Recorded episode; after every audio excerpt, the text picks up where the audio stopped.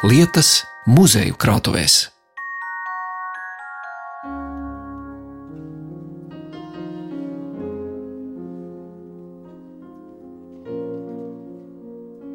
Visa pasaule ir teātris, kur cilvēki ir tikai aktieri.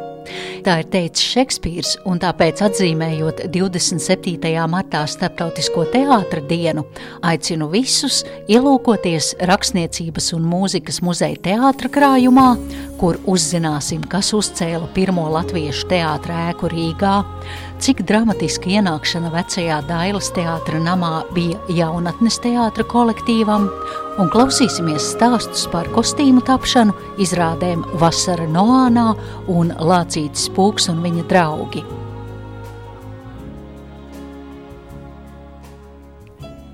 Viesojos muzeja krājumā Pulka ielā, kur rakstniecības un mūzikas muzeja, teātra un kino vēstures krājuma glabātāja Andra Lazdāne mani ieved vienā no telpām, kur atrodas aptuveni 250 tūkstoši vienību no teātra krājuma.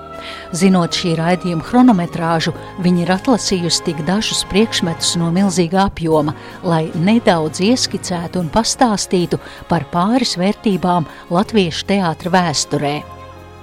Pirmais priekšmets ir liela izmēra karoks, kā varu spriest, reiz bijis šūdināts no gaiša zila zīda, bet tagad klāts ar zilas kokvilnas auduma ielāpiem – Tik zelta diegiem šūti, uzraksti un ornamenti ir izturējuši laika zobu, un tie vēstī. Rīgas Latviešu amatnieku palīdzības biedrība 30. jūlijā 1878. gadā. Vidū ozolapu ietvarā ir izšūti darbarīgi, cirvis, cirkulis, lineāls un uzraksts Darbs godina. Izrādās šai biedrībai ir ļoti liela nozīme piecu teātru pastāvēšanas laikā. Vairāk par to stāsta Andra Lazdāne.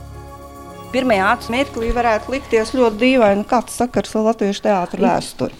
Tā, un te ir tam karogam otra puse. Rīgas latviešu amatnieku palīdzības biedrība. Un otrā pusē ir izšūdināta līra un dažādi simboli mākslas un uzraksts māksla un zinība glīto. Darbs godina, māksla un zinība glīto. Tā celsmīgi. Datums, tas 30. jūlijas 878. gads ir šīs latviešu amatnieku palīdzības biedrības dibināšanas datums, un tas ir šīs biedrības karoks bet tas ir nonācis muzejā 1974. gadā, kad tika dibināts teātris muzejs Smiļģimājā. Un no visiem teātriem vāc materiālus jaunajai teātris muzeja ekspozīcijai. Un tad kopā ar daudziem, daudziem citiem Dailes teātris priekšmetiem ir nonācis muzejā šis karoks. Kas tad ir par latviešu amatnieku palīdzības biedrību? Tā ir tā, kas savulaik dibināja, finansēja jauno latviešu teātri. Un kāpēc viņš no Dailas teātra ienāca pie mums? Ļoti vēsturisks relikts tas ir, un tas ir saistīts ar ēku Rīgā, Plāčplēša ielā, toreiz Promānu ielā 25. Šis karoks ir saistīts ar nu, tautā saukto veco dailīti, vecā dailes teātrēku, tagadējo jauno Rīgas teātri, kurš arī ir ārkārtīgi aktuāla problēma šobrīd mums, vai ne? Tolaik tas nams tika uzbūvēts 1902. gadā, un to būvēja šī amatnieku palīdzības biedrība. Un tad, kad ēka bija otrajā gadā uzbūvēta, to tūlīt sāka īrēt no šīs biedrības jaunais latviešu teātris, kurš tur pastāvēja no otrā līdz piektajam gadam. Un patiesībā tā biedrība tur izmantoja pāris telpas tikai, bet principā tā bija teātrēka. Tā, tā ir nu, tā pati, man liekas, vēsturiskākā, nozīmīgākā Latvijas teātrēka, kurā ir darbojušies. Tagad jautājums, cik teātris? Tā tad jaunais latviešu, jaunais Rīgas teātris, bet ne jau tagadējais, kas darbojas no 8. gada, tad Dailes teātris no 20. gada, un Jaunatne. tad jaunatnes teātris, un tagad jaunais Rīgas teātris. Pieci teātri. Lūk, jā. Nu, lūk, un vispār man liekas, ka tam karogam nu, viņš ir diezgan bēdīgā stāvoklī. Jā, Tas karoks jau ir um, mitinājies arī jaunajā Latviešu, jaunajā Rīgas teātrī, un tāpat kā Dēls teātrī, viņš izmantots arī kā rekvizīts. Viņš ir piedalījies izrādēs arī. Nu, ar tādu leģendu mēs viņu esam saņēmuši. Tā kā principā šo karogu viņam ir nepieciešams speciāli tagad uh, eksponēšanas veids, jo viņš ir pārāk trausls nu, jūs jau redzat, viņš, viņš ir, ir ielāpājis. Te jau ir tikai tas ir... īstais zīts, ir tikai detaļas palikušas. Vai, un tas īstais materiāls ir pilnīgi šķiedriņās, tas, jā, zeltītiem diedziņiem, zvaigznes izšūtas. Pilnīgs roku darbs. Un sudraba diegiem ozolzīles. Tad tu kā prasmīgas rokdarbnieces šuvuši, es skatos uz to krustūrienu izšuvumu, tas ir saglabājies ar vilnas diegiem, tās ozola lapas.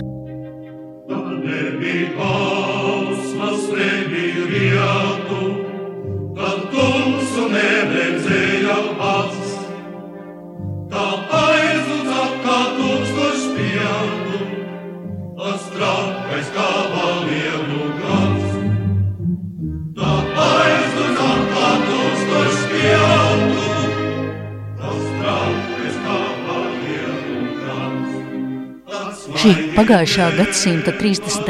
gados komponētā Burkhārda Sosāra dziesma no izrādes Gesta Berlings ir kļuvusi par Dailas teātra skanisko zīmolu no tā laika, kad minētajā namā Lāčplēša ielā 25 teātri vadīja un tajā valdīja Eduards Smilģis. Šī teātris ansamblis pāriet uz jaunām telpām tagadējā brīvības ielā, kad dižais teātris meistars jau vairākus gadus ir devies aizsaulē. Bet nostāsti un leģendas par smilģa garu Latvijas ielas namā ir dzīve vēl šobaldien. Par to liecina nākamais krājuma priekšmets - cigarešu kārpiņas lieluma četrkantīga spoguļa lauska. Varbūt to jau būsiet dzirdējuši, ka aktieri, teātris ļaudis ir diezgan māņticīgi. Nu, lūk, šī spoguļa lauska ir no 20. gadiem Dailas teātris, jau kad Dailas teātris šajā ēkā saimnieko aizkulišu milzīgs trimo spogulis. Un e, tas ir bijis spogulis, kurā pirms iziešanas, pirms uznāciena uz skatuves ir ieskatījušās, tāda kā tradīcija pilnīgi bijusi. Ieskatījusies katra dēles teātra, ja ne aktieri, visi, tad vismaz aktrises, visas prīmas pirms uznāciena aizkulisēs, ieskatījusies spogulī. Tā kā tas spogulis ir glabājis dēles teātra nu, to spožumu. Bet, kā mēs zinām, tad Dailes teātris pēc pāriešanas uz jaunajām telpām nodeva šo ēku jaunatnes teātrim. Nu, lūk, un te ir mums arī klātais poguļu lauskai Tamāras Soboļevas atmiņas. Jaunatnes teātris atklāja savu darbību šai ēkā ar Šapīro iestudēto zelta zirgu. Tas bija 79. gada 6. februāris. Pirms tam, protams, kā stāsta Tamāra Soboļeva, ir notikusi nu, tāds pirmais izstaigāšanas, aktieri izstaigā skatuvi un tad ģenerāla mēģinājums. Bet kā aktrise stāsta, pēkšņi, tad, kad jau izsauc uznācienam ģenerāla mēģinājumu uz skatuves aktierus, pēkšņi kaut kāds neizdibināms troksnis, kā šļūdonis, izgāja cauri visiem stāviem. Atsteidzās pilnīgi viss, pat vecais Dailas teātris Arks, kas ar vienu vēl tur bija strādājis. Un izrādījās, ka šis spogulis milzīgais ir sašķīdis lauskās ar to lielo troksni. Un e, arī tais atmiņās ir teikts, ka Dēls teātris sarks, kas arī ir pieskrējis, paskatījies un pateicis, jūsējais te ilgi nepaliks.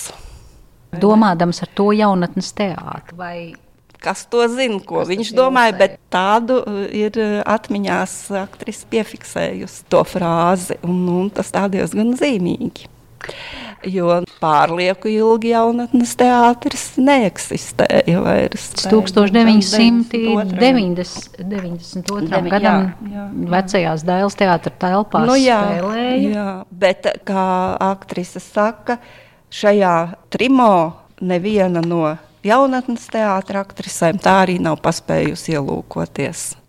Bet patiesībā jau tas atrisinājums, kāpēc tas notika, bija ļoti vienkāršs un tehnisks. Kārlsona Šēvits ir aiz tā spoguļa. Viens no jaunatnes teātra aktieriem. Mm -hmm, jā. jā, ir eh, krampīti. Nu, kā tikko viņi iegājuši, tās telpas vēl nebija apdzīvotas un krampītis aiz tās poguļa, aiz sienas ir durvis bijušas, un viņš tās durvis ir gribējis atvērt. Izrādās, ka tās nav bijušas aiztiekamas, un tas spogulis ir tāpēc gāzies. Nu, tāds notikums, un to un spoguļa lausku. lausku ir ilgus, ilgus gadus glabājis pie sevis Alvis Birkovs aktieris un režisors jaunatnes teātra. Tad, kad bija teātris muzejā mēs nu, atzīmējām jaunatnes teātra 60. dzimšanas dienu, kad teātris vairs nebija.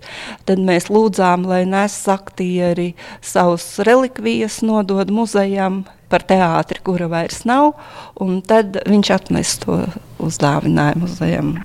Nu, jāpiebilst, ka Tamāra Soboļeva tajā lugā spēlēja saucerīti. Jā. Tad lūk, tehniski mistisks negadījums un liecība par to, kā tajā Jā. ēkā, kur ilgus gadus bija Dailas teātris, mm ienāca jaunatnes teātris un spogulis. Izpildījās. Jā, nu, tā, tā, tā tas ir. Smilģa gars jau darbojās, un ar smilģi ir jāmāk sarunāt. Tā visi teātris ļaudis to tā uzskata un zina, ka ar smilģi nav tik vienkārši. Un ja mēs tagad, kā Raņa teātris, no jaunās telpas, kur tiks būvēta, kur jau ir apstiprināta, kur mēs e, tuvākā nākotnē redzēsim un ieiesim, tad viņai tādai arī ir jābūt. Janreiz skan tas Raņa vārds, gandrīz par visu zemes lodi tad tam teātrim arī ir jāsaka. Bet ja mēs par Raini domājam un par to viņa nākotnes teātri, tad mums ir jādomā par materiālu. Tas ir par matēriju. Un Rainim, kā sarkana svītra, šī matērija visam iet cauri. Jo bez tās nav ne izplātījuma, ne dzīves, nekas. Šādi runājot par jauno teātra ēku, izteicās Edvards Smilģis pagājušā gadsimta 60. gadu sākumā, kad jau bija izsludināts konkurss jaunajai būvēi bet kamēr namu ceļ tikām jaunatnes teātra aktieri, izrādes spēlē pārbūvētajā Baptistu dievnamā Lāčplēš ielā 37. Tur arī tiek iestudēta viena no iecienītākajām lugām bērniem par lācīti pūku, un tas notiek 1967. gadā. Teātra krājumā glabājas daži kostīmi no šīs izrādes – un pūka tērps, ko uz skatuves valkāja Anta Krūmiņa, ir izcils rokdarbnieces Melitas Ozoliņas meistardarbs. Te ir lācīša pūka, kostīms, ko darinājusi arī teātra šuvēja ar tamboru adatiņu tamborēts. Tas viss, viss ir, kostīms jā, ir no, no viss kombinācijas, ir tamborēts ar rociņu. Bet tas bet ir tas milzīgs, nu jā, jo tas ir kombinācijas no jā, kakla līdz, līdz pat pēdām. Tas arī viss ir pietamborēts. Tādi, arī Anta Krūmiņa savulaik nodeva muzejam. Un tās cilpiņas reliefās rada tādu lācīgumu, jā, ja, ka tas no, nu pūks ir tāds, jā, tāds spēļu lāčuks. Un tā cepure arī. Raustiņā. Pēc ieraksta sazvanīja aktrisi Antu Krūmiņu un uzzināja vēl dažas interesantas detaļas par pūka tērpu. Kostīmu darināšana toreiz notika ciešā sadarbībā ar pašiem aktieriem, un šo Antas ideju par tamborētu kostīmu realizēja vīriešu ģērbēja Melita Ozoliņa. Viņa tajā laikā notamborēja trīs šādus kostīmus - vienu Antai Krūmiņai, otru dublierei Verai Singajevskai un trešo Krievu trupas aktrisei. Lai dzīvu dabūtu vajadzīgajā brūnumā, tā tika krāsota. Un līdz šodienai ir saglabājies tikai Antas Krūmiņas tērps. Un otrs tērps no šīs izrādes, kas glabājas teātra vēstures krājumā, bija neplānots un negaidīts pārsteigums šī raidījuma autorei. Atļaušos nelielu personisku atkāpi. Es zināju, ka mana mamma, aktrise Veltes Kurstene, ir nodevusi savu ēzelīšajā kostīmu teātra muzejam, bet negaidīju, ka krājuma glabātāja Andra Lasdāne to būs sagatavojis šim ierakstam. Tāpēc nākamais stāsts, lai ir mans veltījums mammas piemiņai. To es no Veltes Kurstenes esmu dzirdējusi, ka arī viņai bija tāds tamborēts kostīms. Bet ēzelītim. Arī, nu, acīm redzot, vienā stilā ieturēts. Bet aktieri jau ir tādi fērlīgi ļaudis. Tas ir ļoti svarīgi un ļoti būtiski, lai aktieris kostīmā justos labi, ērti. To nu Veltes Kursteņa pat ir stāstījusi, ka viņa tai cilpainajā, pufīgajā kostīmā nav sajutusies kā ezelītis.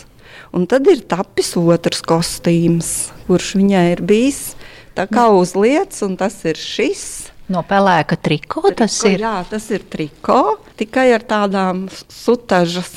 Jā, dažām bārkstiņām, jā, tāds pluskaini, kas jā. rada to ēzelīšu pluskainumu, te, jā, kur uz, nu, un āste nu, piepogājama ar pogu. Protams, piepogājama, jo, kā mēs zinām, ēzelītim taču bija aste pazudusi. Un ir mums pat bijis arī tagad, ka pēkšņi vajag kādam pasākumam kaut kādas detaļas no jaunatnes teātra iestudējumiem. Un ir bijis, piemēram, reize, kad arī to asti man vajadzēja deponēt uz teātra muzeja tikai asti. Ceļojošā asti. Nu, lūk, tas jau nav viss, ezelītis mums ir pilnā komplektācijā saglabājies. Arī tamborētā cepure ar ēzeļa ausīm. Un tad vēl ir getras. Tas ezelīts, lai arī pluskains, bet tomēr kaut kāds tāds, nu, tāds no, mm, elegants. Dendijs aizgājušo laiku greznība, par ko liecina baltas manžetes, balta apaklīte un šīs senlaicīgās getras.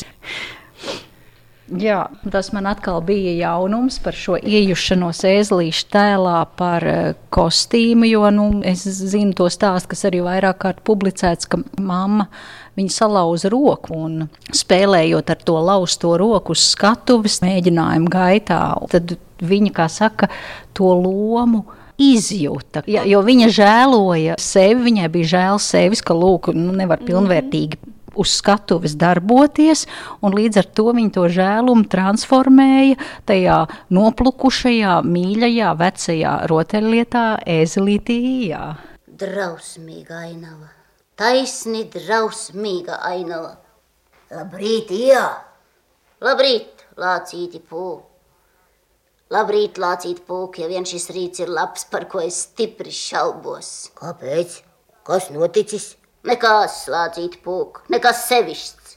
Visi jau nevar un dažiem arī neizdodas. Tur nekā nevar darīt. Nu, nu ko tad visi nevar? Priecāties, dziedāt, dejot un tā tālāk zem riekstu krūma. Ah, skaidrs saprotu. Hmm. Zem kāda riekstu krūma? Zem tāda, kur aug grauzdēti rieksti, dziesmas, rotaļas, dēļas. Es jau nesūdzos, bet tā nu tas ir. Šajā 1967. gada radio ieraksta fragmentā Vinnija Pūka lomā dzirdējāt Veru Singajevsku, Ēzelīša ielomā Veltes Kurstene. Tērpu stāstu turpinām ielūkojoties Nacionālā teātra kostīmu glabātuvē, kur elegants un karalisks ir nolikts Elzas Radziņas kostīms, kuru viņas varone Žorža Sanda valkāja 1969. gada iestudējumā Vasara Noānā. Elzas Radziņas Žorža Sanda. Vasara Noānā. Jā, Vasara Noānā. Stāsts ir tieši par pašu tērpu, kur jūs redzat, kurš ir brūns samta. Tieši brūns samta. Gari svārki, jā. vai tā ir kleita, vai tas ir kleita, nu, kleita, kleita jā, ar, ar ņieburiņš.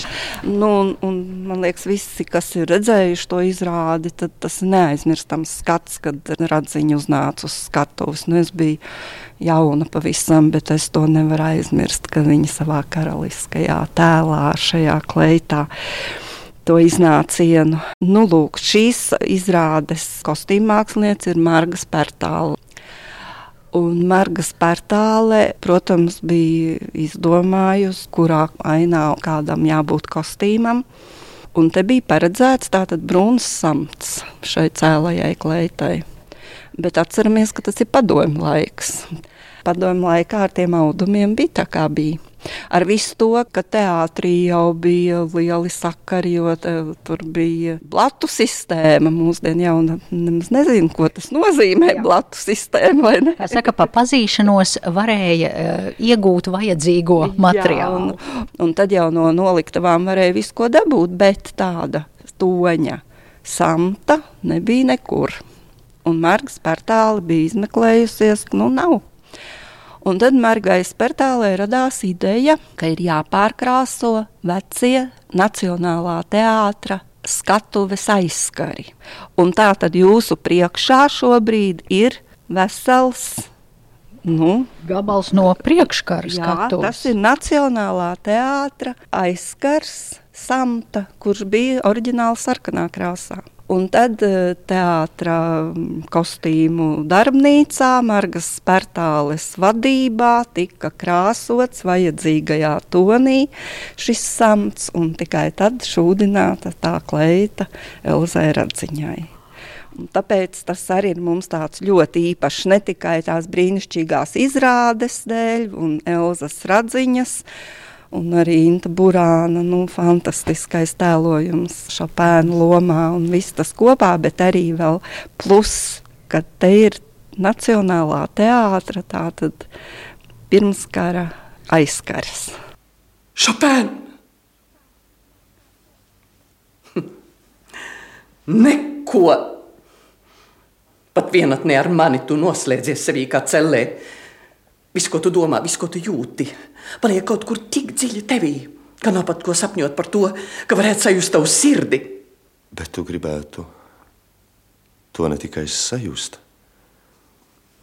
bet ievainot. Cik dziļi vien var? Tavs lepnums mani pārsteidz. Tava augstprātība. Nē, nē. Es negribu ievainot. Es gribu zināt, vai es esmu tev kaut kādā ziņā vajadzīga. Ka es drīkstu paņemt tavu sirdi plaukstā un to iebalzamēt. Kā tad es varu būt tavs draugs Šopēns, ja es neko, itin neko par tevi nezinu? Bet tie aizskar to, lai kaut kur glabājās noliktavā, vai viņus noņēma no teātras skatuves? Es domāju, ka viņi bija noņemti jau tā. Nu, To, tas ir tas, ko es neesmu izpētījusi. Tas būtu vēl, vēl jāpēta. Cik labā stāvoklī, jo tas samts, viņš tas zaigo un tas brūnais tonis, viņš laistās un ir nu, tā kā, tā kā tāda šokolādes trifele. Jā tērps jau ir ļoti daudz bijis arī eksponēts, bet uh, tāpēc mēs esam te krātuve, ka mēs sekojam, nedrīkst to darīt pārāk bieži un pārāk ilglaicīgi. Un tagad viņš atpūšas te tumsā un attiecīgā mikroklimatā, un tad jau atkal pēc kāda laika noteikti teātra muzejā viņu varēs atkal redzēt. Paldies par stāstījumu un ielūkošanos teātra vēsturē. Es saku Rakstniecības un mūzikas muzeja, teātra un kino vēstures krājuma glabātājai Andrai Lazdānei. Raidījumu veidoja Zane Lāce Baltāksne.